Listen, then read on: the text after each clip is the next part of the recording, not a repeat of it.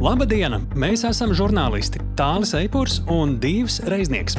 Mūs no sirds interesē, kas notiek Ukrajinā, kā notiekošais tur ietekmē notikumus šeit, kā mēs šeit varam būt noderīgi cilvēkiem tur.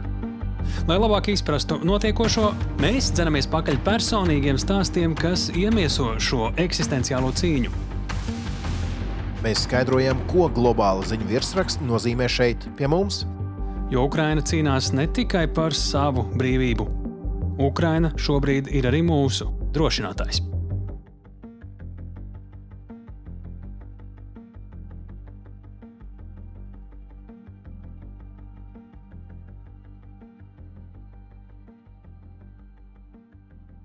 Esiet sveicināti raidierakstu drošinātājs 18. epizodē. 18. raidieraksta drošinātājs epizodē kaut mums nebūtu šīs pilngadības. Tā gribētos teikt, bet mums joprojām ir par ko runāt. Ir ļoti daudz aktuālu stāstu, kuriem mēs pieskarsimies arī šajā epizodē. Ja jūs mūs klausāties tikai pirmo reizi, tad ziniet, mēs vienmēr strādājam pēc vienota rāmja. Tā teikt, mums ir lielā intervija ar kādu īpašu cilvēku, ar personīgiem stāstiem. Un šajā reizē pirmo reizi intervija par dzīvi Baltkrievijā, nevis Ukrajinā. Te pirms mēs vēl izvēršam plašāk, es divam tādu ļoti sarauktu uzaci aizsūtīju Vācijā un kratīju ar pirkstu. Mūsu raidieraksts ir par Ukrajinu ir ļoti svarīgi, lai tas Baltkrievijas stāsts parādās uh, kontekstā tieši ar Ukrajinu. Divi, uh, tagad tev ir dažos teikumos jātaisno, kāpēc mums būs plašāka saruna un par ko tad būs. Nē, nu kā, Baltkrievija ir agresoru valsts. Skaidrs, līdz ar Krieviju šajā karā. Tāpat laikā Baltkrievijā mēs atceramies no 2020. gada. Tā vara, kas tur ir šobrīd pie varas, nav tā, kas ir tautas vēlēta. Daudz Baltkrievi Tā skaitā mūsu šīs dienas varone, kura ir bijusi spiesta pamest Baltkrieviju pavisam nesen, dzīvo dubultajā okupācijā. Pār viņiem valda nevēlēts diktators, pār kuru savukārt valda vēl viens diktators. Man liekas, ļoti būtiski ir zināt arī par to, kāda ir dzīve šādos apstākļos. Nu, un tur, protams, šajā stāstā es esmu noklausījies, parādīsies arī Ukraiņas nots. Tur uh, viss mans uzacis uh, noplaka tajā brīdī, kad es noklausījos šo sarunu, bet tā būs pēc brīdiņa. Jā, un šobrīd gan mēs uh, ķersimies klāt nedēļas aktualitātēm un ekspertīzei. Kāpēc mūsu eksperti Kristīna Bērziņa no Maršala fonda, Vācijas Maršala fonda, saka, ka pirms uzvarošām ziņām no kara Ukrajinā mums vispirms ir jāsagatavojas tādām smagām un nepatīkamām ziņām no kara lauka.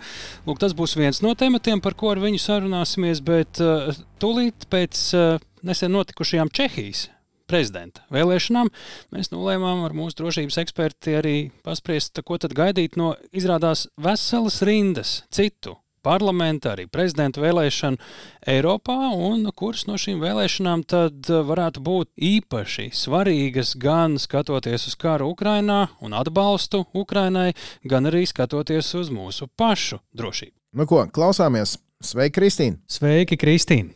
Sveiki, sveiki! Nu, kad mēs prātojām, par ko šonadēļ būtu svarīgi runāt, tev jo īpaši rūpēja jautājums, vai pasaule un īpaši Ukraiņas atbalstītāji ir gatavi ļoti smagam pavasarim. Tie bija tavi vārdi. Kāpēc šāds jautājums? Gadu mēs sākām ar cerīgām runām par to, ko mēs 2023. gadā varētu sasniegt, kādas būtu iespējamās uzvaras scenāriji Ukrainā. Bet tas ir tāds gada jautājums. Un, ja mēs skatāmies, kas varētu notikt februāra beigās, martā, jādomā, ka varētu būt ļoti smags pavasaris. Izskatās šobrīd, ka Krievija gatavo nopietnus uzbrukumus ap to 24. ap to gada punktu. Ar to domu Donbasā iegūt vēl vairāk teritoriju. Un tāda runa reāli nav, vai Ukraina nākošā mēneša, divu, trīs mēnešu laikā atgūst savu teritoriju, bet vai Ukraina ir spējīga noturēties, ja Krievija veids tādu pašu klasisko uzbrukumu? Tas, kas ir Krievijas pusē šobrīd, ir tīri skaitliski. Tagad mobilizētie būs jau drusku sagatavojušies. Krievija grib dabūt arī simbolisku uzvaru kara laukā tuvākajā laikā, un visticamāk metīs visu iespējamo šajā jaunajā uzbrukuma vilnī. Tur skaitliski būs grūti. Ukrainai pret to cīnīties, cīnīsies, bet tas nākamais ziņu vilnis teiksim, pēc mēneša vai dažām nedēļām varētu būt nevis par to, ka āreku rakar Ukrainai ir uzvaras, bet drīzāk varbūt par to, kā rekā Ukraiņi cīnās pretī, ka Krievi tagad grib mest visu iespējamo karā un redzēsim, kā Ukraina spēs aizsargāt savas pašreizējās līnijas. Uz to ir jāsagatavojas, jo jautājums par to, vai šogad varētu būt uzvara, tas ir gada jautājums. Ļoti saistīts ar to, kad pienāk tanki, vairāk šāviņi. Tas nenotiks uzreiz, tas parasti ir mēnešu jautājums. Sākumā varētu būt grūtāki mēneši, un tikai pēc tam varētu atkal būt tāds Ukraiņas pretvilnis. Un, ja mēs visi sagaidām to, ka nu, rekur Ukrainas uzvaras gads un uz priekšu, un nu tik būs, tad varbūt mēs nebūsim psiholoģiski nobriesti saprast to, ka tas nav tik vienkārši, ka vispirms varbūt jāļauj arī Krievijai izārdīties. Un tāpēc tam atkal ar jaunu spāru Ukraiņas pretī. Bet tas nebūs tāds žvinks un viss tāpat kā Krievijai. Tas sākuma uzbrukums 24. februārī nebija žvings un rekā visa Ukraina ieņemta, nebūtu gudri gaidīt, ka tagad žvings un nākošajos mēnešos Ukraina atgūs visu teritoriju, Donbasu, Krimu un tam līdzīgi. Krievija netaisās piekāpties un centīsies ar visu iespējamo, īpaši ar mobilizētajiem karavīriem, veikt to, kas neizdevās pirms gada. Un Ukraina būs jāpratojas, tā ir ārkārtīgi sagatavojusies, bet tas ir nākamais, nevis milzīgs Ukrainas pretuzbrukums. Vismaz tā šobrīd izskatās. Ja mēs runājam par šo jauno ieroču piegādes vilni. Kā tu teici, tās nav ne dienas, ne nedēļas. Un, nu, mēs šeit arī redzam, ka ir jau nākamais Ukraiņas prasījumu, lūgumu vilnis, kas ir seko tankiem, ir iznīcinātāji lidmašīnas un to piegādes. Jo bez atbalsta no gaisa ar tankiem viendoties uzbrukumā, tas laikam nav militāri pārāk gudri arī mūsdienās. Šobrīd kādi ir varianti realitātei? Kad mēs varētu runāt par kaut kādu vismaz optimāli apgādātu Ukraiņas pretuzbrukumu, cik ilgi būs šīs smagās ziņas par Krievijas uzbrukumiem, kad mēs varētu sākt skatīties uz reāliem pagriezieniem un tādiem jau paliekošiem, kad būtu pamats par to domāt? Es personīgi nedomātu par iznīcinātājiem kā absolūti nepieciešamo atbildi risinājumu tagad Ukrainas uzvarai svarīgi, lai noturētu pašreizējos pozīcijas un atgūtu kaut ko, ir nevis tās supersimboliskās vai dārgās lidmašīnas. Jā, protams, ir svarīgi, ka tās netiek liektas, tas būtu burvīgi, bet kas ir svarīgi, ir, ka pietiek šāviņi, ka pietiek raķetes, ka pietiek bruņu mašīnas, ka ir ikdienišķīgas lietas. Iznīcinātāji ir labi, bet vai ir dronu? Pietiekoši daudz, vai ir lētākas lietas, kuras nav tik sarežģīti arī sagādāt un politiski sarežģīti, kuras varētu lielākā apjomā sagādāt Ukrainai. Jo Krievijas stratēģija ir ar skaitlisku vairākumu ieņemt teritoriju. Gudri ieroči Krievijai sāk pietrūkt, bet svarīgi, ka kaut kas sprākst. Un tur ir arī gan cilvēku skaitlis, ko Krievija tagad sūtīs kara laukā, un arī lādiņu un raķešu skaits. Varbūt dūmjas raķetes, ja tātad uzsprāgs kaut kur, vai nav vienalga, kur, bet izmantos visu iespējamo, un vēl joprojām, acīm redzot, ir kaut kas noliktavās, un to tagad pielietos. Svarīgi tad ir Ukrainai un arī rietumiem, kuri atbalsta Ukrainu, sagādāt apjomu ar nepieciešamām praktiskām lietām, tīri skaitliski. Un varbūt nav prātīgi cerēt uz lidmašīnām. Tas nebūs tūkstots lidmašīnas, ja ir lidmašīnas. Bet vajag nodrošināt tūkstošiem ieročus, raķetes un tam līdzīgi. Tas ir svarīgi. Un svarīgāk nekā varbūt tās simboliskās lidmašīnas. Runa ir, ka tagad Ukraina saņem 120 līdz 140 tankus. Ļoti labi, bet katru dienu izšaujot cik raķetes. To ir svarīgāk nodrošināt nekā tad nākotnē lidmašīnas.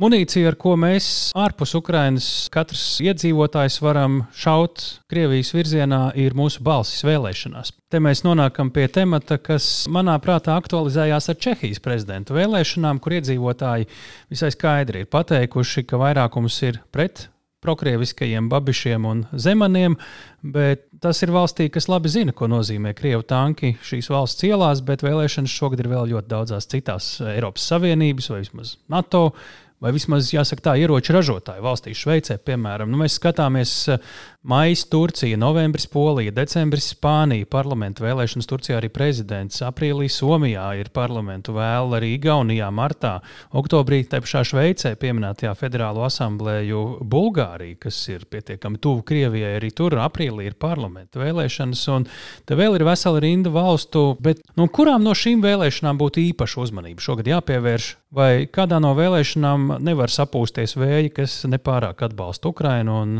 Krievijas padzīšanu no tās. Vēlēšanas ir dažādas, un, protams, ir ārkārtīgi labi Ukrainai, Eiropai, ka Čehijā mainījās politiskie vēji, un tagad pro-demokrātiska, pret-oligarkiska vara ir vairāk pienākusi ar milzīgu pārsvaru. Tas, es ceru, liecina par to, ka vērtības, demokrātiskās vērtības un aizsardzības vērtības, Ukraiņas atbalstošas vērtības ir ļoti arī populāras tautas līmenī Eiropas valstīs. Turcija tās būs ārkārtīgi svarīgas vēlēšanas. Tikai tāpēc, ka vislabākā lieta, kas var notikt, ka tās vēlēšanas vienkārši būs bijušas un miers un vairāk par tām nebūs jādomā. Tāpēc, ka Turcijas vēlēšanu dēļ tiek atlikts Zviedrijas un, un Somijas iestāšanās NATO jautājums. Kad vēlēšanas būs jau pagājušas, būs daudz vieglāk iekļūt NATO, jo NATO jautājums tiek izmantots priekšvēlēšanu laikā kā veids, kā izpaust prezidenta Erdoāna veiksmes starptautiskajā skatuvē, kad vēlēšanas būs beigušās, varēs atkal domāt globālajā līmenī prezidents Erdogans un mazāk domāt konkrēti par sevi un savām vēlēšanām.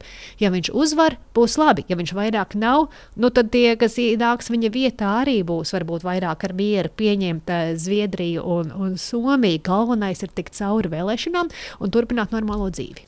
Tā ir Turcija, vai ir vēl kādas tādas slidenās valstis, uz kurām būtu jāpaskatās ar bažām? Jo tuvāk mēs tiksim Ukraiņai, jo tuvāk mēs tiekam Krievijas robežām, jo nozīmīgākas var arī būt vēlēšanas. Par Bulgāriju tur būs jāpaskatās, tāpēc, ka var iet visādi. Un ir ārkārtīgi svarīgi, ka nu, Bulgārija tik tuvu pie Ukrainas, pie Turcijas, ka tā nostājās ļoti pro-NATO virzienā, ja tur būs viss tā kā Čehijā burvīgi, ja vērtē pēc Ukrainas interesēm. Un, ja skatās, kas notiek Baltkrievijā, ja skatās, kas notiek Kazahstānā, katras vēlēšanas, nekas īstenībā var nemainīties, bet arī vienmēr ir iespējams, ka vēlēšana brīdī kaut kas var sakustēties.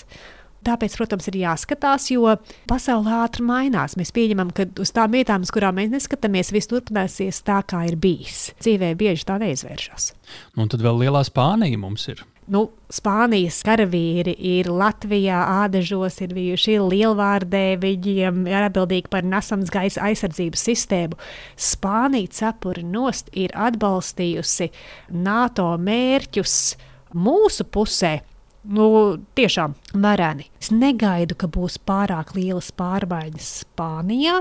Spānija ļoti tieši tanku jautājumā Ukrainā ir bijusi ļoti nozīmīga un ar daudziem leopardu tankiem, kurus var sūtīt. Un Spānija ir ļoti nozīmīga Latvijai. Un tāpēc ir tiešām jāskatās, lai nākamā valdība Spānijā noturētu atbalstu Ukrainai, NATO, Baltijas valstīm Un būtu labi, ja tas nemainītos. Nu, un vēl es domāju, mēs nepieminam varbūt pat reģionā vissvarīgākās vēlēšanas - Polija. Ja viss paliek tā, kā šobrīd ir, tad varbūt nav pro-demokrātiskās vērtības, bet ir pro-ukrainiskas vērtības. Ja paliek viss tagad, kā tagad ir, tad Ukrainai ir labi. Ja mainās, tad mainās uz pro-ukrainiskām un pro-demokrātiskām vērtībām, un tas arī ir labi. Bet ir pietiekami liela iespēja, ka mainīsies valdība Polija. Nekādas aizsardzības jautājumos, nekādas lielas pārmaiņas varētu arī nebūt. Kristīna, paldies tev par sarunu. Paldies tev! Paldies Kristīnai, paldies Stālim par šo aktualitāšu apskatu. Patiesībā par šo bija vēl daudz jautājumu. Divam es zinu, arī bija daudz jautājumu. Piemēram, kas notiks ar visām Kremļa partijām un atbalstu viņām. Ne? Jā, jā, man ļoti interesē, jo tāpēc, mēs, nu, tas ir tāds vispār zināms fakts, kuram tur nā, ir, šur tur ir pierādījumi, šur tur ir aizdomas, ka jau gadu gadiem Maskava ir finansējusi šīs te, gana ekstrēmistiskās partijas ar mērķi destabilizēt politisko situāciju Eiropā. Man interesē vienkārši, kā šīs partijas dzīvo tagad, kad Kremlim ir tā kā varbūt nezinu, nav vairs tik daudz naudas, nav tik daudz laika šīm tēmām. To, ko mēs vēl ar Kristīnu nepaguvām izskatīt, uh, ir vēlēšanas, starp citu, būs arī Kazahstānā šogad, kas uh, ir ļoti pret Z simboliem uz eh, atbraukšo Krievu mašīnām, kas sūta humāno palīdzību Ukrainai, kas ir krietni mainījusies eh, šajā laikā. Katrā ziņā valsts ar ļoti interesantiem politiskiem procesiem, valsts mainās eh, ļoti strauji. Bet vēlēšanas šogad ir arī Baltkrievijā parlamenta vēlēšanas. Mēs redzējām, kas notika iepriekšējo, tad gan prezidenta vēlēšanu laikā Baltkrievijā. Es domāju, ka nevaram nenovērtēt par zemu, tiesa gan arī ilūzijas lolot nevaram, bet no nu, arī Ukrainā. Ne gan šogad, bet nākamgad ir parlamenta vēlēšanas. Jā, tas starp citu interesanti. Atliks, neatliks. Ar daudzām jautājumu zīmēm tur. Jebkurā gadījumā tas mums var atgādināt, cik neviendabīga ir Ukraina attiecībā uz savu iekšpolitiku, cik viendabīga ir attiecībā attiecībā pret Krieviju. Interesanti no tāda aspekta, kas notiks ar vēlēšanām. Šis faktors, ka daudz dzirdēts no Ukrāņiem, ka šajā laikā, kara laikā, Viņi politika nolikuši malā. Protams, protams. Uh, nav šīs dalīšanās partijās, uh, nu tā vismaz viņi saka. Ja? Kad beigsies karš, tad atkal varēs politiskos ķīviņos iesaistīties. Tāpēc ļoti interesanti, kā var vispār notikt uh, priekšvēlēšana kampaņa vai kaut kādas vēlēšanas, uh, ja nerakstīt vienošanās, ka nebraucam virsū viens otram, jo mums ir viens kopīgs ienaidnieks. Turklāt, kad uh, miljoniem pilsoņu ir ārpus valsts, kad uh, ir okupētas teritorijas, kas notiek ar tām vēlēšanu laikā, jautājums šeit vēl ļoti daudz. Mēs to šajā epizodē neatrisināsim, ne arī taisāmies atrisināt. Mums šobrīd svarīgi uzmanību pievērst ir mūsu nākamajam stāstam. Jā, un šoreiz, kā jau ierasts, mums katru raidījumu ir viens galvenais viesis, ar kuru mēs runājam par pieredzēto, piedzīvoto Ukrajinā vai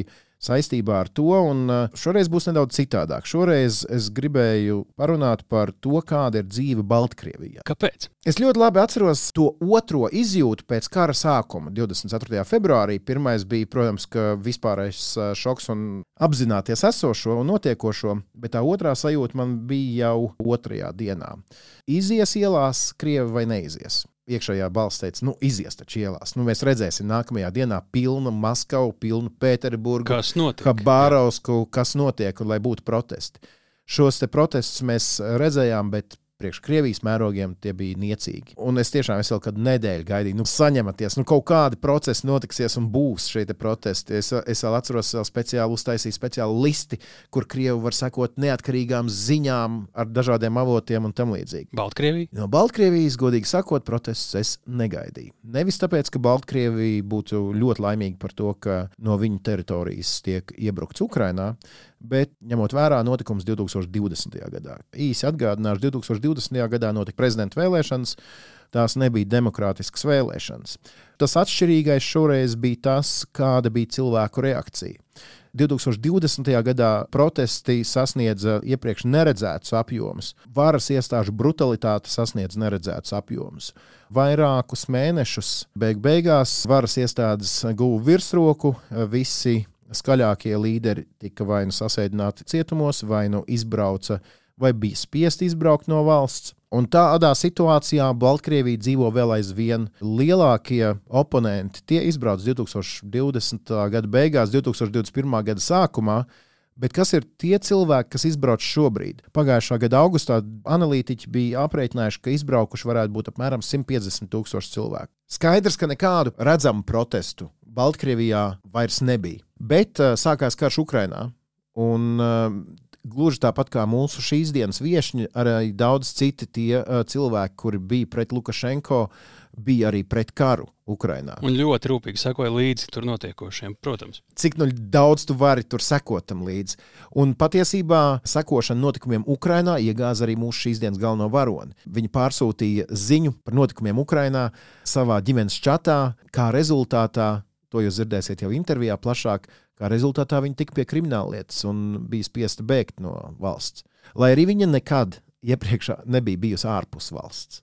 Nu jā, un šī saruna arī es nevaru tagad palīdzēt divam un pieteikt cilvēku, ar ko mēs sarunājamies, tāpēc ka vārdu mēs esam lūgti neatklāt. Dzirdēsiet arī, ka ir mūsu sarunbiedrē mainīta balss, tāpēc ka viņi joprojām nejūtas drošībā Kāpēc jūs dzirdēsiet arī par to sarunā? Nu, un, protams, kā jau vienmēr podkāstā drošinātājs, tad, kad intervija ir ne latviešu valodā, mums vienmēr paralēli iznāk divas epizodes. Vienā no tām varat klausīties sarunu ar tulkojumu latviešu valodā, otrā šajā gadījumā sarunas valoda būs tieši intervijas laikā Krievu valoda. Tad, nu, klausāmies! Raidieraksts drošinātājs. Dobrīt, labdien! Здравствуйте! Sveicināti! Перед interviju, pirms intervijas teicāt, ka ne visu drīkstat atklāt, jo Baltkrievijā palicis kāds no jūsu ģimenes. Pareizi? Правильно? Тогда, может быть, Jā. расскажите, nu tad izstāstiet par sevi to, ko varat. Esmu mamma, sieviete, man ir vairāki bērni, man ir pilnvērtīga ģimene, vīrs. Почему вы боитесь? Kādēļ jūs baidaties atklāt savu identitāti? Ну, во-первых, э, в Беларуси на меня открыто уголовное дело. Pirmkārt, Baltkrievijā pret mani un vīru ierosināta krimināla lieta. Tā ir un tā tiek izskatīta. Baltkrievijā mums bija piemērots drošības mērs, paraksts par dzīvesvietas nemainīšanu. Vīram tur palikusi mamma un arī mani vecāki. Arī mans dēls ir tur. Viņam ir sieva, sava ģimene. Man tur ir daudz draugu. Baltkrievijā visi baidās par to, ka tāda vai citāda iemesla dēļ pie viņiem jebkurā mirklī var atnākt drošībnieki. По той или иной причине. Так что получается, если sanāk, ka ja Baltkrievu varas iestādes dzird uh, jūsu interviju, zina, kas jūs esat, jūs bažieties, ka viņi kaut kādā veidā varētu atriepties, izmantojot jūs ar tuviniekus, uh, radnih? Да, а на моих родных, на моих друзей. А, Да, конечно. Jā, izmantojot tuviniekus, draugus. Jā, protams, mums Baltkrievijā ļoti daudzi plašsaziņas līdzekļi, ziņu portāli ir aizliegti. Un, ja kādam no aizliegtajiem žurnālistiem sniegs interviju, pret tevi uzsāks kriminālu На lietu. тебя заведут также уголовную статью за то, что ты дал кому-то, например, интервью.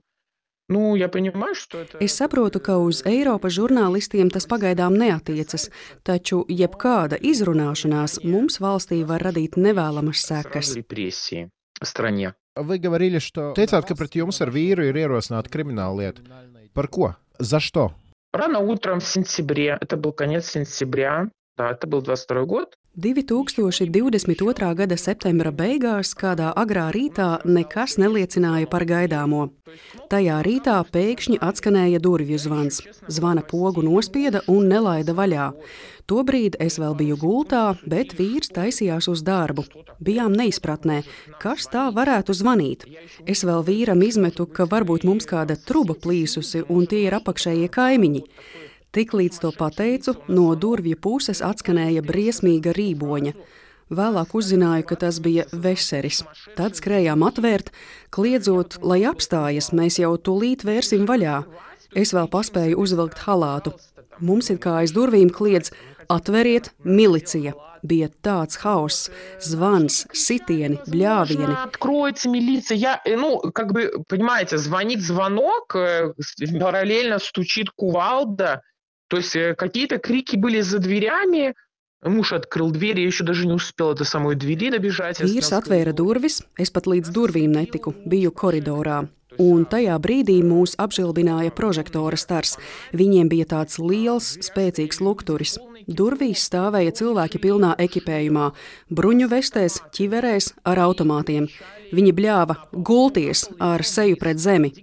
Es kļuvu kā paralizēta, vispār nesapratu, kas notiek. Vīrs nogulās turpat pie durvīm, es biju tālāk koridorā. Cilvēki ar automātiem ielauzās dzīvoklī, bet bērni gulēja savā istabā. Es gulēju ar rokām aiz galvas un ar skatu grīdā, kad viens no viņu priekšniekiem burtiski uz sekundi acu priekšā noplivināja savu apliecību. Tas bija uz tik īsu mirkli, ka es, protams, neko tur nespēju saskatīt. Pie tam biju šoka stāvoklī. Tas bija tik nesaprotami - šāda operācija mūsu dzīvoklī. Viņi uzreiz izskrēja pa visām istabām, no guļamistabas savāca mūsu telefonus. Tas bija sekundžu jautājums. Tūlīt pat mums pieprasīja telefonu paroles, sāka tos pārbaudīt. Manā telefonā atrada, ka čatā biju padalījusies ar vienu ziņu par karu Ukrainā. Pēdējā laikā visi protesti mūsu valstī jau bija apspiesti, un vienīgais, kam sekojām līdzi, bija karš Ukrainā. Mēs ļoti pārdzīvojam, galu galā viņi ir mūsu kaimiņi. Tātad šīs ziņas pārsūtīšana jau nozīmēja administratīvo lietu. Pie tam to pārsūtīju ģimenes iekšējā čatā, kurā esmu tikai es, mans vīrs un mani pieaugušie bērni. Я, там, я, муж и мои взрослые дети. Почему, kāpēc ar šo ziņu nevarēja dalīties? Ну, потому что этот канал новостей признан в нашей стране ekstrēmistiskiem. Tādēļ, ka šīs ziņu kanāls mūsu valstī atzīts par ekstrēmistisku. Viņu ziņas lasīt ir aizliegts. Manā Telegram aplikācijā viņi atrada vairākus šādus ziņu kanālus, sāka bļaut uz mani, kādēļ kaut ko tādu lasu. To lasīt ir aizliegts. Es atbildēju, ka gribu sakot notikumiem, gribu zināt, kas notiek pasaulē. Viņi man atcirta, skatieties televizoru. Es saku, televizors situāciju skaidro no vienas puses, bet es gribu saņemt dažādu informāciju no dažādiem avotiem. Tātad, saprotiet, to visu nedrīkst lasīt, bet es ne tikai biju lasījusi, bet arī padalījos ar šī kanāla informāciju, kas pie mums atzīts par ekstrēmistisku. Bet kāpēc viņi vispār atnāca uz jūsu dzīvokli? Atbildi uz šo jautājumu es nezinu vēl aizvien. Viņiem bija uz mana vārda izrakstīts kratīšanas orderis. Imja? Ну, Bet, lai izdotu orderu, tu taču jābūt kaut kādam iemeslam. Šo iemeslu man neviens nepateica. Pēc tam tik dzirdēju, ka viņiem bija dati par kādu telegramu čatu, taču tajā čata grupā, par kuru viņi runāja, es nemaz nebiju. Varbūt viņi turpināja apstrādāt datus no 2020. gada protestu laikiem, un vadoties pēc tiem, pie mums atnāca tikai tagad. Varbūt vēl kaut kas. Pēdējā laikā es apzināti nepiedalījos nekādās telegram čatu grupās. Telegram-čatах я практически не состояла. 20. 2020. gadā jūs piedalījāties demonstrācijās? Да, да. Jā, regulāri. И тогда э, tāda nekāda problēma nebija? Или какие-то проблемы тогда? Ну, именно Tieši man problēmu nebija. была. Или, bet vīram, mūžu. Мужа забрали, он сидел на сутках в 2020 году. Vīru par protestiem savāca, un viņš astoņas diennaktis dabūja sēdēt Žodinas cietumā. Суток. Но это было...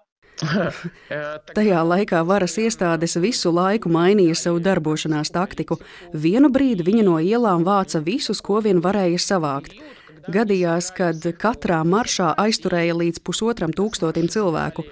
Tādēļ tobrīd garākus termiņus nepiesprieda. Vienkārši nebija, kur turēt visus savāktos. Всех держать было негде. И Это был последний раз, когда... Un tā bija pēdējā reize, kad uh, jūsu ģimenei bija darīšana ar policiju. Да? Jā, Ah, nu tad es saprotu, kāpēc jums bija tāds šoks. Ну да, как да, гром среди ясного неба. Да, Jā, kā zibens no skaidrām debesīm. Nekas neliecināja par bēdu tuvošanos. Pagājušajā gadā nekādās politiskās aktivitātēs no mūsu ģimenes neviens nebija iesaistījies.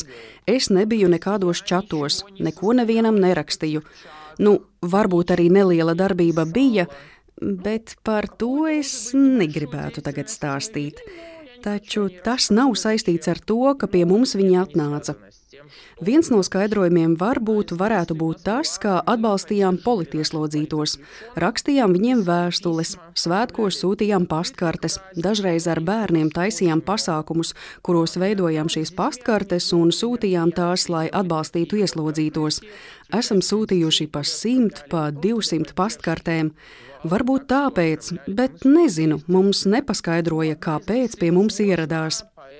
Kratīšanas orderi man sejā iebāza uz sekundi. Neko citu, izņemot savu uzvārdu, es tur nepaspēju izlasīt. Также тыкнули в нос на одну секунду. Я ничего не успела там прочитать, кроме моей фамилии. Nu, ja, ja... Es jums neizstāstīju līdz galam savu stāstu. Да, jā, turpiniet, lūdzu. Я услышала, что мужа моего стали бить. Tad izdzirdēju, ka manu vīru sāka sist. Tas bija jau pirmajās minūtēs pēc viņu ierašanās. Nesapratu, kāpēc, jo viņš gulēja uz grīdas, nepretojās, bija ģērbies vienās apakšbiksēs, viņš pat nepaspēja saģērties, bija gandrīz kails. Kad vīru sāka sist un viņš sāka kliegt, es zaudēju samaņu. Tik pēc tam uzzināju, ka daudzīja viņu ar pannu.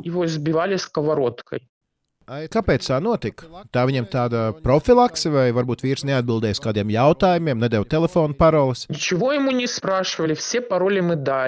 Neko viņam neprasīja, visas paroles iedevām. Pie mums stāvēja cilvēki ar automātiem.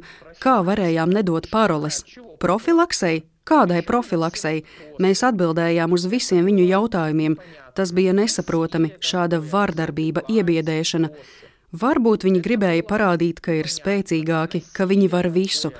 Nu, redz, tāda mums visatļautība. Acīm redzot, atļauts ir viss. Kas notika tālāk? Потом могу сказать, что просто перевернули всю квартиру. Pēc tam viņi apgrieza kājām gaisā visu dzīvokli, izvandīja visas mantas, taču tā arī neko neatrada.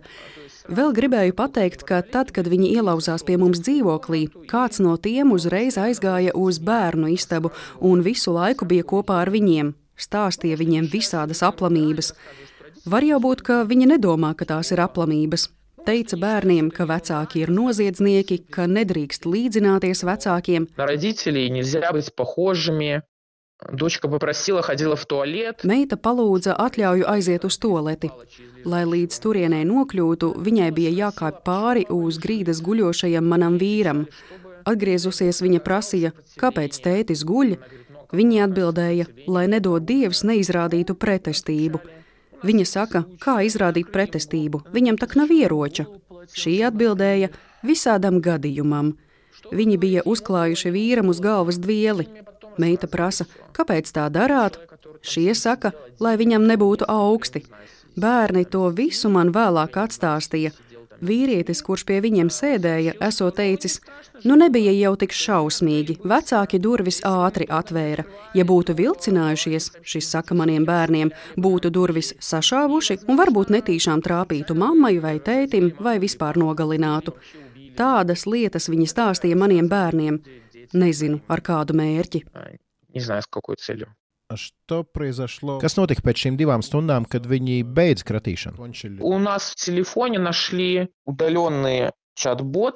Mums telefonos atrada izdzēsto tādu chatbotu, kas saucas Peremoga.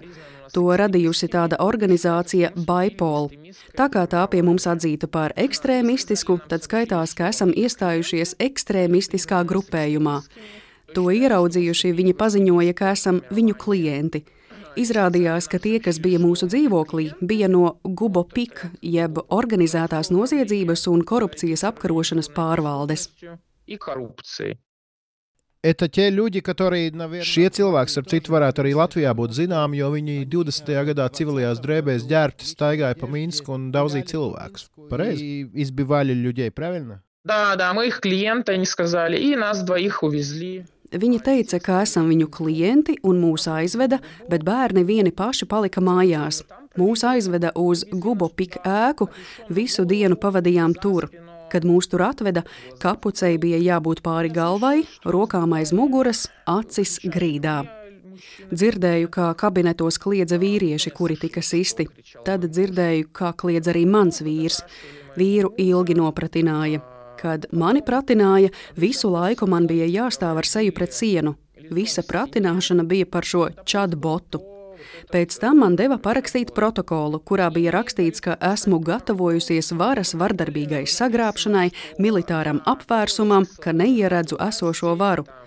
Izlasīju daļu protokola un sacīju viņiem, ka es neko tādu nesmu teikusi, Tas, ko esat šeit sarakstījuši, nav tas, ko esmu jums teikusi. Jūs man tādus jautājumus neprasījāt, un tādas atbildes nesmu devusi.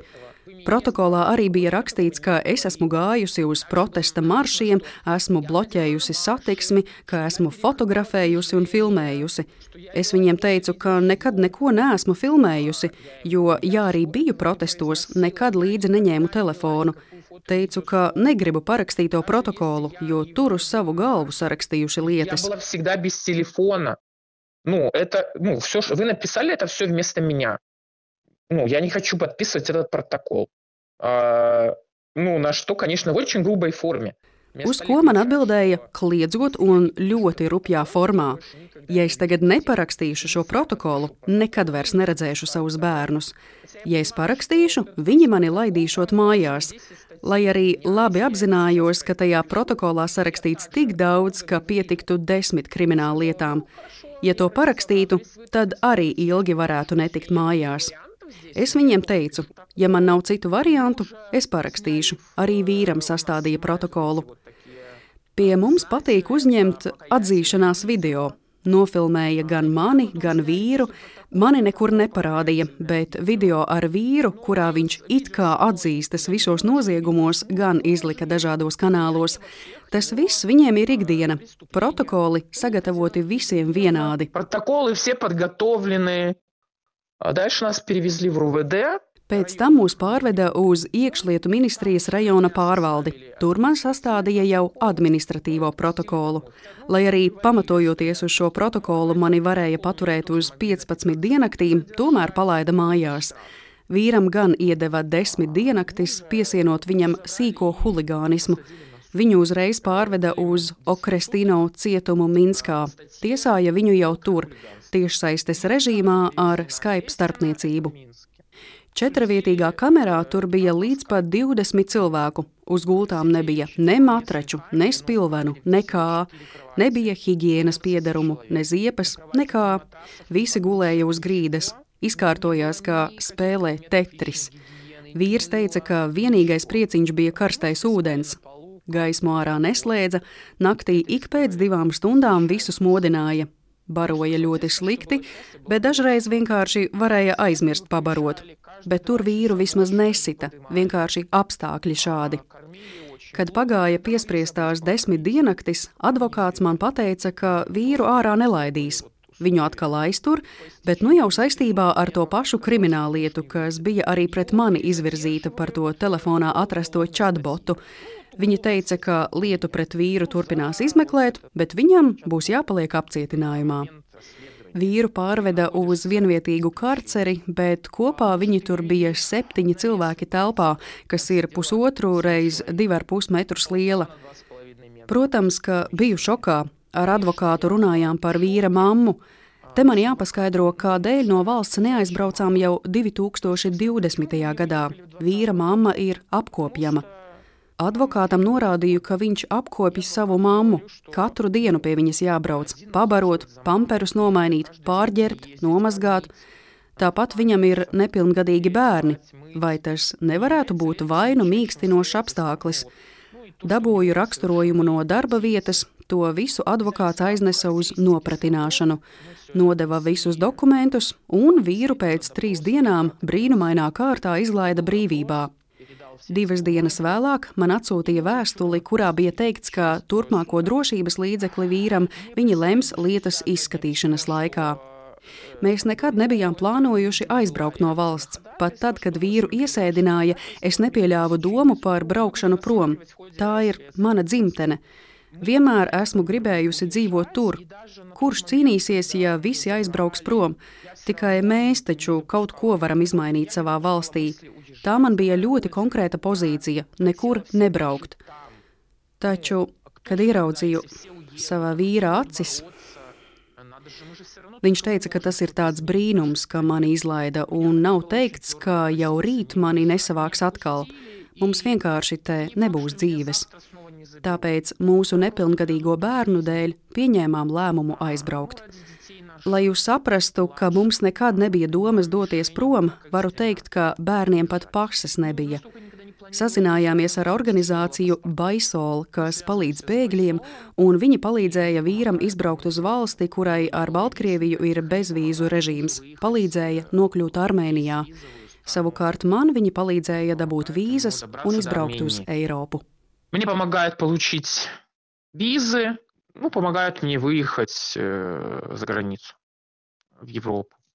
Перед тем, как мы начали записать... Pirms mūsu sarunas ieraksts teicāt, ka par manu nākamo jautājumu jūs tā kā īpaši daudz nedrīkstēsiet stāstīt. Un tomēr, ja pārāk neiedziļināmies detaļās, vai pareizi saprotu, ka ir cilvēku tīkls, kas strādā tieši uz to, lai izvestu tādus cilvēkus kā jūs? Да. Jā, Uz Eiropu vai citiem reģioniem? Да. Teiksim tā, tas ir labi strādājošs tīkls, kas tiešām arī reāli strādā. Ka uh, ir работает. Да, это работает. Jā, tas strādā. Es nedrīkstēju pamest valsti. Varu atklāt, ka robežu šķērsoja viena. Vīrs aizbrauca viens. Bērnus atsevišķi izveda vēl viens cilvēks. Отдельно. Можно сказать, vai var teikt, ka, lai izvestu vienu ģimeni no Baltkrievijas, nu tā sanāk vesela operācija? Да, это целая операция, да. Безумно очень волнительная. Jā, tā ir vesela operācija, ārkārtīgi satraucoša, pat nesatraucoša, tā ir ļoti nervoza, ļoti pārdzīvoju.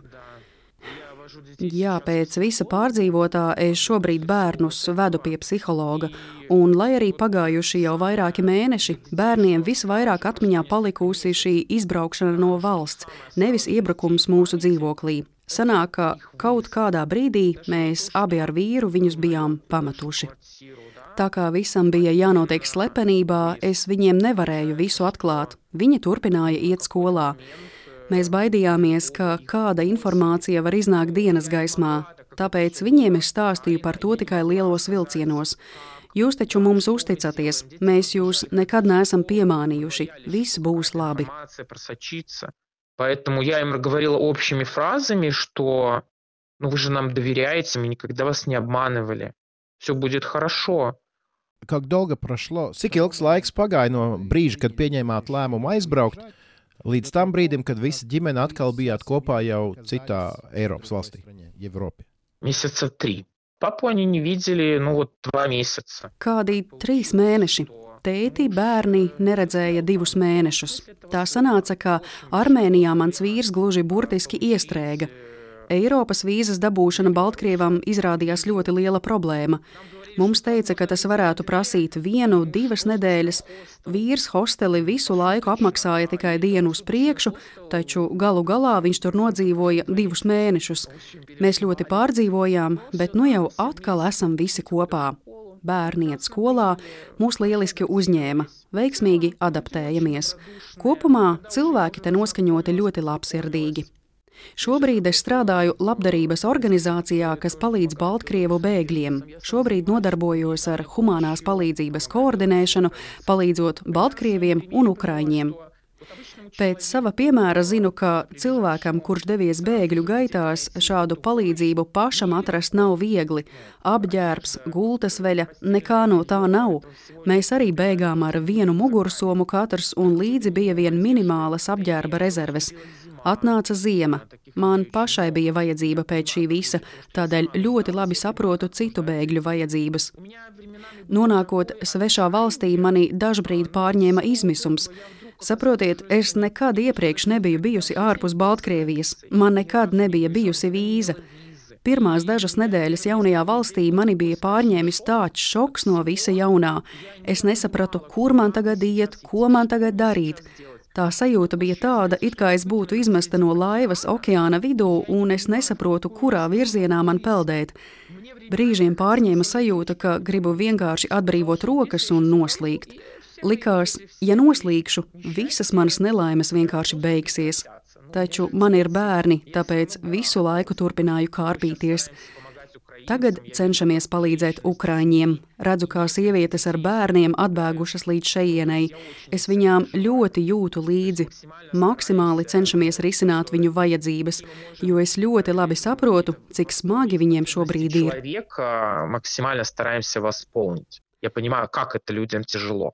Šas, когда вся семья- Tagad, kad visa ģimene ir kopā, kad savā jaunajā mītnes zemē esat iekārtojušies, Ko varat pateikt par uh, savu jauno dzīvi, tīri nu, no tādas atzīves skatu punkta? За последние два года, и особенно с начала войны в Украине, Pēdējo divu gadu laikā, it īpaši kopš lielā kara sākuma Ukrainā, protams, arī Baltkrievija tiek uztvērta kā agresors.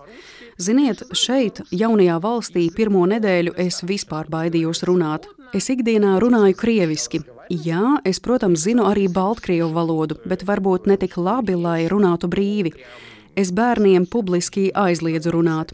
Man šķita, ja cilvēki dzirdēs krievu valodu, varbūt mani iekaustīs uz ielas.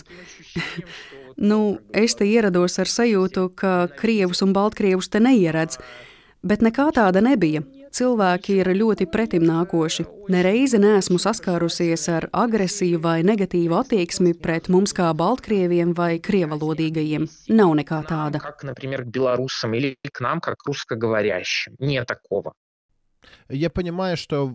Saprotu, ka esot Baltkrievijā, jums vajadzēja piedomāt, ko sakat publiskā telpā.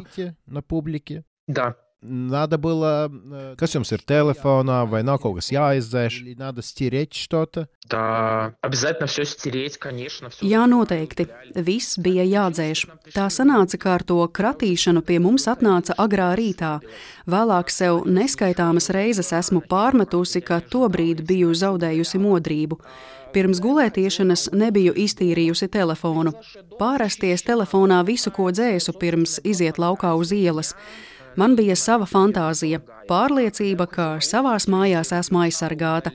Acīm redzami, biju naiva. Ничего у меня не было в телефоне. А какое это чувство, когда ты сейчас находишься в земле? Un kāda šobrīd ir sajūta, atrodoties zemē, kur tev nevajag domāt par to, kas man ir telefonā, vai ko es drīkstu teikt uz ielas vīram, pat ja mūs kāds dzird, кто-то услышит и донос сделает на меня. Я, знаете, еще, ну, я не могу вам до конца описать. Patiesībā šīs sajūtas līdz galam vēl jums nevaru aprakstīt. Esam te vēl neilgi. Daudz ilgāku laiku esam pavadījuši tajos aizlieguma apstākļos, kad bail ir no visa. Mēs, un it īpaši bērni, uz ielas ieraugot policistus, visi uzreiz sabīstamies. Re, policija! Un tad es bērniem visu laiku skaidroju, ka šie cilvēki strādā, lai mūs aizsargātu. Viņi nerada draudus. Taču instinktu līmenī tā pirmā reakcija vēl nav mainījusies. Laikam ar dažiem mēnešiem nepietiek, lai tas mainītos. Pārāk ilgi tādos apstākļos esam dzīvojuši.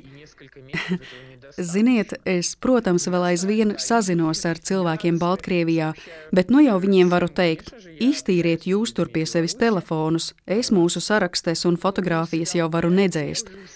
Zinu, ka cilvēki ārzemēs domā, ka Baltkrievi neprotestē, tāpēc ārkārtīgi gribas sociālos tīklos paust savu protestu. Taču, ja to dari, esot Baltkrievijā, pats sirsniņas ielikšana pie kāda ziņojuma var radīt draudus, kur nu vēl pašam kaut ko rakstīt. Tas kontroles līmenis ārzemēs laikam nav saprotams, ja viņi saka, ka mēs klusējam. Mūs var iesēdināt par vienu laiku vai komentāru pie kāda aizliegta ziņojuma, nemaz nerunājot par to, kā pats rakstītu. Jā, man ļoti to gribas. Šo to drosmīgi jau esmu sākusi rakstīt, un tad tās sajūtas ir ļoti dalītas. No vienas puses ir bailes, no otras ļoti gribas. Galu galā, kurš tad, ja ne mēs? Un mums tak te vairs arī baidīties vairs nav no kā. Tomēr mums visiem ir kāds palicis Baltkrievijā, vēl joprojām mēs esam ķīlnieki. Хочется. Ну кто же, если не мы, как бы вроде нам здесь бояться нечего. Но у всех у нас там кто-то есть. Но мы все равно до сих пор заложники. А как это в ежедневных обстоятельствах? Вот вы, например, вы и ваши друзья... Es gribu saprast par dzīvi ikdienā. Nu, piemēram, jūs, jūsu draugi, kaimiņi 2020. gadā gāja uz protestiem. 21. gadā tas jau kļuva neiespējami, ņemot vērā, kā režīms jūs izzināja. Nu, iedomāsimies, ka ir eh, 2022. gada janvārs. Jūs vēl aizvien dzīvojat turpat. Jūs zinat, ka jūsu kaimiņi, draugi ir pret šo režīmu. Taču publiski nekādi jūs nevarat to izrādīt. Но вы никак не можете проявлять это. Как можно к- жить в таких... Nu, kā var dzīvot šādos apstākļos? Kas jums dod spēku dzīvot šādos apstākļos? Vai tad jūs par neko citu, kā ikdienas sadzīves lietām, vairs nedomājat? Vai jums ir, piemēram, teiksim, slepens rokas spiediens, kas nozīmē živi Belarus, vai piemiedzat ar acu kaimiņiem? Kā tas notiek? Да, Соседам или как это? конечно. Как можно жить без веры? Protams, kā var dzīvot bez ticības? Mums aizliegts pulcēties vairāk nekā trīs cilvēkiem, taču šā vai tā saziņa ar domu biedriem bija. Ko vēl varam? Varam runāt Baltkrievu valodā. Rīkojām pagrīdes tikšanās, lai parunātu baltkrieviski. Tas ir tas, ko mums nevar atņemt un aizliegt. Patiesībā aizliegt var, bet atņemt nevar. Nu, atņemt nelzā. Vaši ģeķi, вы им... Jūs saviem bērniem teicāt, ko skolā drīkst un ko nedrīkst runāt? С начала 2020 года, еще до всех событий, я учила детей дома. No 2020. gada sākuma, vēl pirms visiem notikumiem Baltkrievijā, es bērnus sāku pati skolot mājās. Mēs mācījāmies privātskolā, kur programma bija pēc individuāla plāna. To pildījām mājās, un reizi ceturksnī vienkārši skolā vajadzēja nokārtot pārbaudījumus visos priekšmetos. Jo runa jau nav par himnas nodziedāšanu vai politinformācijas stundām valsts skolās. Tā nav tik daudz. Runa ir par personības nospiešanu kā tādu. Jā, gluži kā Padomju Savienībā. Tu esi nekas, tev nevar būt savs viedoklis. Tev jādara kā liek, jāatbild tā, kā tev saka. Tā ir jebkādas brīvdomības apspiešana. Tā ir sistēma, kas cilvēkus pārvērš vergos. Школу, потому что школа тоже такой концлагерь. bērni kopumā neieredz skolu, jo skola arī ir kā tāda koncentrācijas nometne, milzumu daudz aizliegumu. Šobrīd, ejot э, vietējā skolā, varam ļoti labi redzēt atšķirības. It kā viss tas pats, priekšmeti tiek apgūti, taču viss ir citādāk. Tu esi cilvēks, tu esi cilvēks, Tu vari saprast, vari nesaprast apgūstamo vielu. Tev matemātikā var būt divnieks vai desmitnieks, taču tu esi cilvēks. Pret tevi neizturas slikti tāpēc, ka matemātikā tev divnieks. Baltkrievijā tevi izsauks pie komisijas. Ja skolnieks mācās slikti, nu iemesli taču var būt dažādi, ģimeni var ielikt īpašā sociāli bīstamu ģimeņu sarakstā, jo uzskata, ka vecāki ar bērniem nemācās. Tur reāli jau no skolas vecuma tiek audzināti vergi. Citādi tu nekas neesi, vai esi otrās šķiras cilvēks. Skolās bērniem jācieš no skolotāju īstenota mobbinga. Es pati pēc izglītības esmu pedagogs. Es vienkārši nevarēju uz to noskatīties. Tās man bija tādas dvēseles sāpes. Tāpēc bērnus izglītoju mājās. Nu, un tā sakrita, ka 2022. gada septembrī mūsu prezidents aizvēra visas privātās skolas, jo tās pieļāva brīvdomību.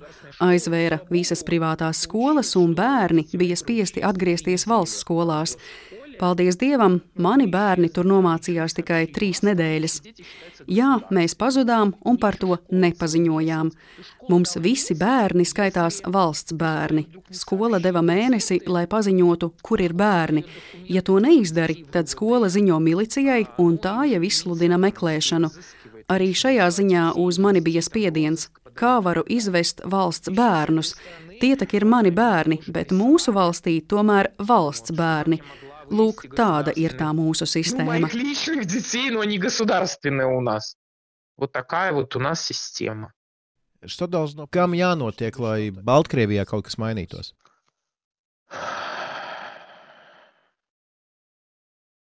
Должно что-то измениться в России в первую очередь. Pirmkārt, kaut kam jāmainās Krievijā.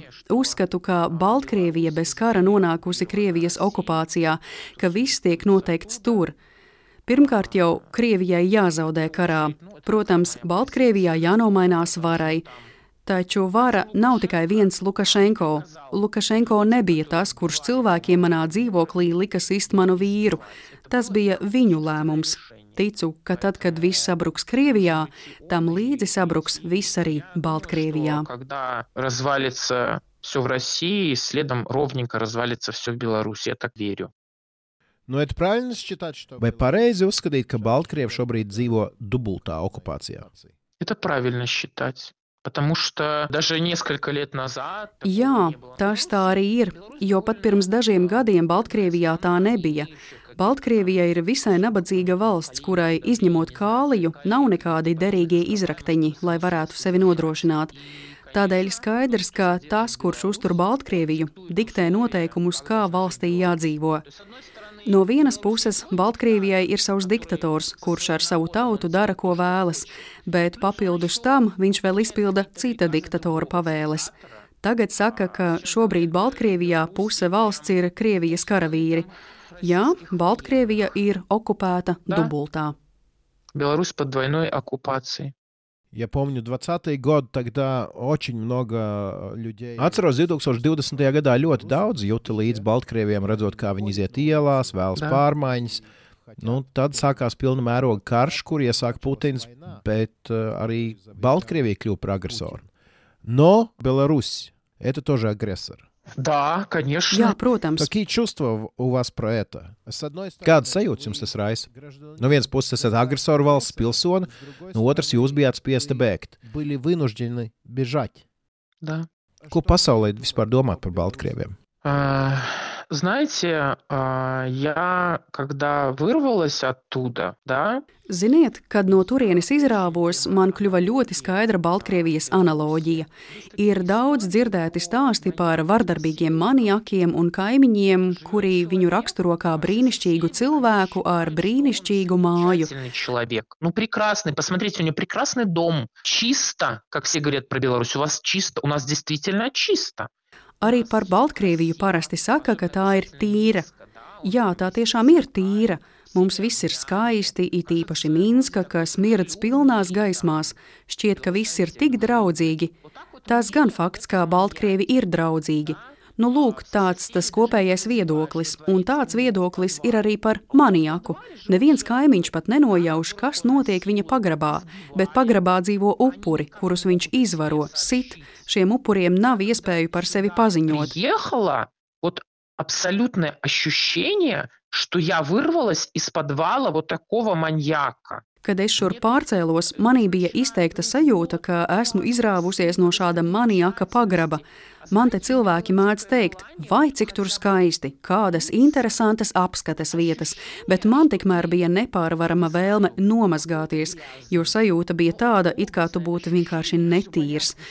Protams, tas tēlaini runājot, jo skaidrs, ka siltais ūdens mums tur visur bija un es mazgājos, bet iekšēji man tiešām bija sajūta, ka esmu vardarbības upure. Nezinu, kā lai pasaulē nododu vēsti par to, kas notiek mūsu valstī, taču tā arī notiek. Visi spriež tikai pēc ārējā izskata, tikai pēc tā, kā izgraznota sēta mājai, kurā mīt maniaks. Да, потому как выкрашен фасад этого дома, в котором живет маньяк. Nu, вот сейчас uh, будем заканчивать. Uh, Palēnām beidzot mūsu sarunu, nu, dodu jums brīvo mikrofonu. Ko jūs gribētu pateikt cilvēkiem Latvijā? Ļudiem в Латвии. Я хочу пожелать всем мира. Es visiem gribu vēlēt mieru. Gribu, lai miers ir visā pasaulē, vēlu labsirdību. Netiesājiet, ja jums blakus ir cilvēks, kas runā krieviski. Nevienmēr cilvēki pie jums pārbraukuši labas dzīves dēļ. Esiet toleranti. Tāds lūk novēlējums - mieru, gaismu un labsirdību visiem. Viss. Мира, света и добра всем. Все. Nu, знаете, вы э, как бы угадали. Ziniet, jūs gluži vai uzminējāt, uh, kā mēs parasti beidzam mūsu sarunas. Tas parasti ir viens un tas pats jautājums. Ko man novēlēt jums personīgi? Мне пожелать вам лично. Arī man novēliet, lai mūsu pasaulē iestātos miers. Наступит, iestāsies. Наступит. Agrāk vai Раньше или vēlāk, позднее, bet но būs. будет. Да. Jā. Большое, большое вам спасибо. Liels, liels paldies jums. Un uh, lai ātrāk varētu atgriezties Baltkrievijā, jo tur būs jau kaut kas mainījies. Потому что будет что-то поменяться там, в вашей стране. Да. Jā, Спасибо большое. liels paldies!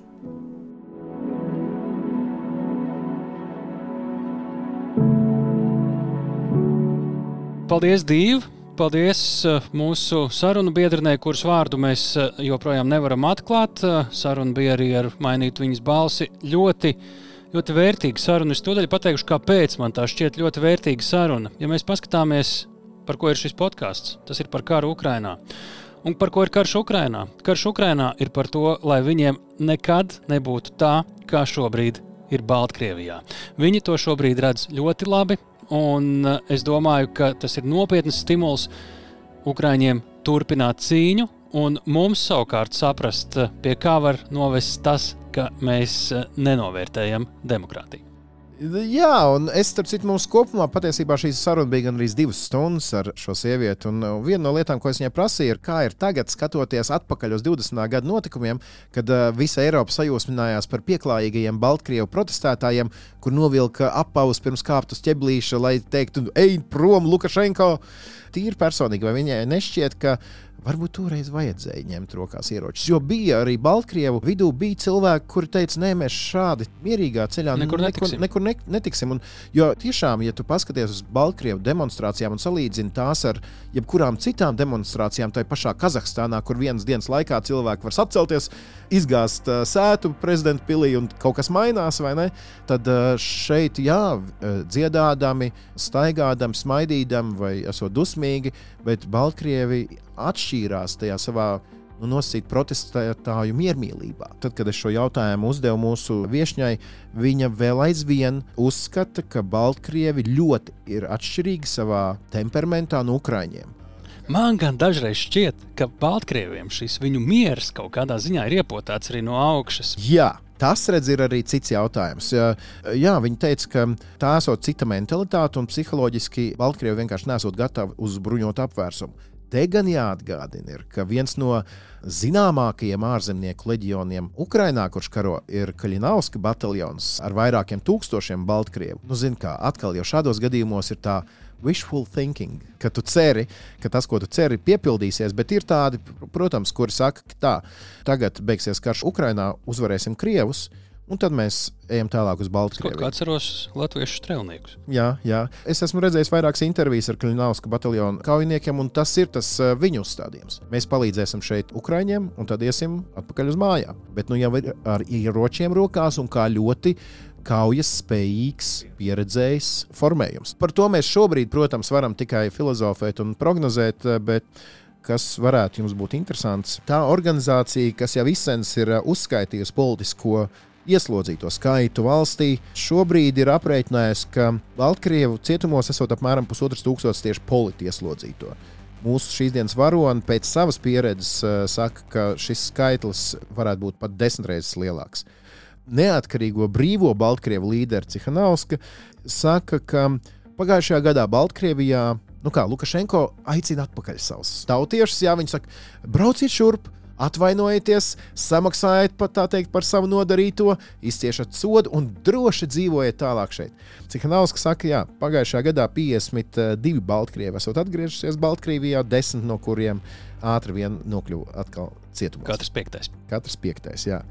Nu jā, un savukārt pašā Baltkrievijā janvāra vidū sāka aizmuguriski tiesāt visus opozīcijas līderus. Tā kā jā, mēs it kā aizmirstam par Baltkrieviem, bet, darbie draugi, tas ir Daugaus otrā pusē. Tas ir tepat blakus. Mēs ceļam šobrīd sētu uz robežas ar Baltkrieviju. Baltkrievija šobrīd ir iesaistīta kā agresorvalsts karā ar Ukrajinu. Ja mēs neskatāmies, kas notiek Baltkrievijā, mēs neskatāmies uz pilnu ainu. Tieši tā, rakstiet mums, ja jums ir kas sakāms. E-pasta adrese drošinātājs Latvijas Rādio LV, lietojiet hashtag drošinātājs, ja rakstat par mums vai mums uh, sociālajos tīklos. Un šajā brīdī mēs sakām jums visu labu. Sadzirdamies pēc nedēļas jau nākamajā epizodē, un atcerieties, drošinātājs tas ir skaidri un personīgi par karu Ukrajinā. Raidieraksts drošinātājs.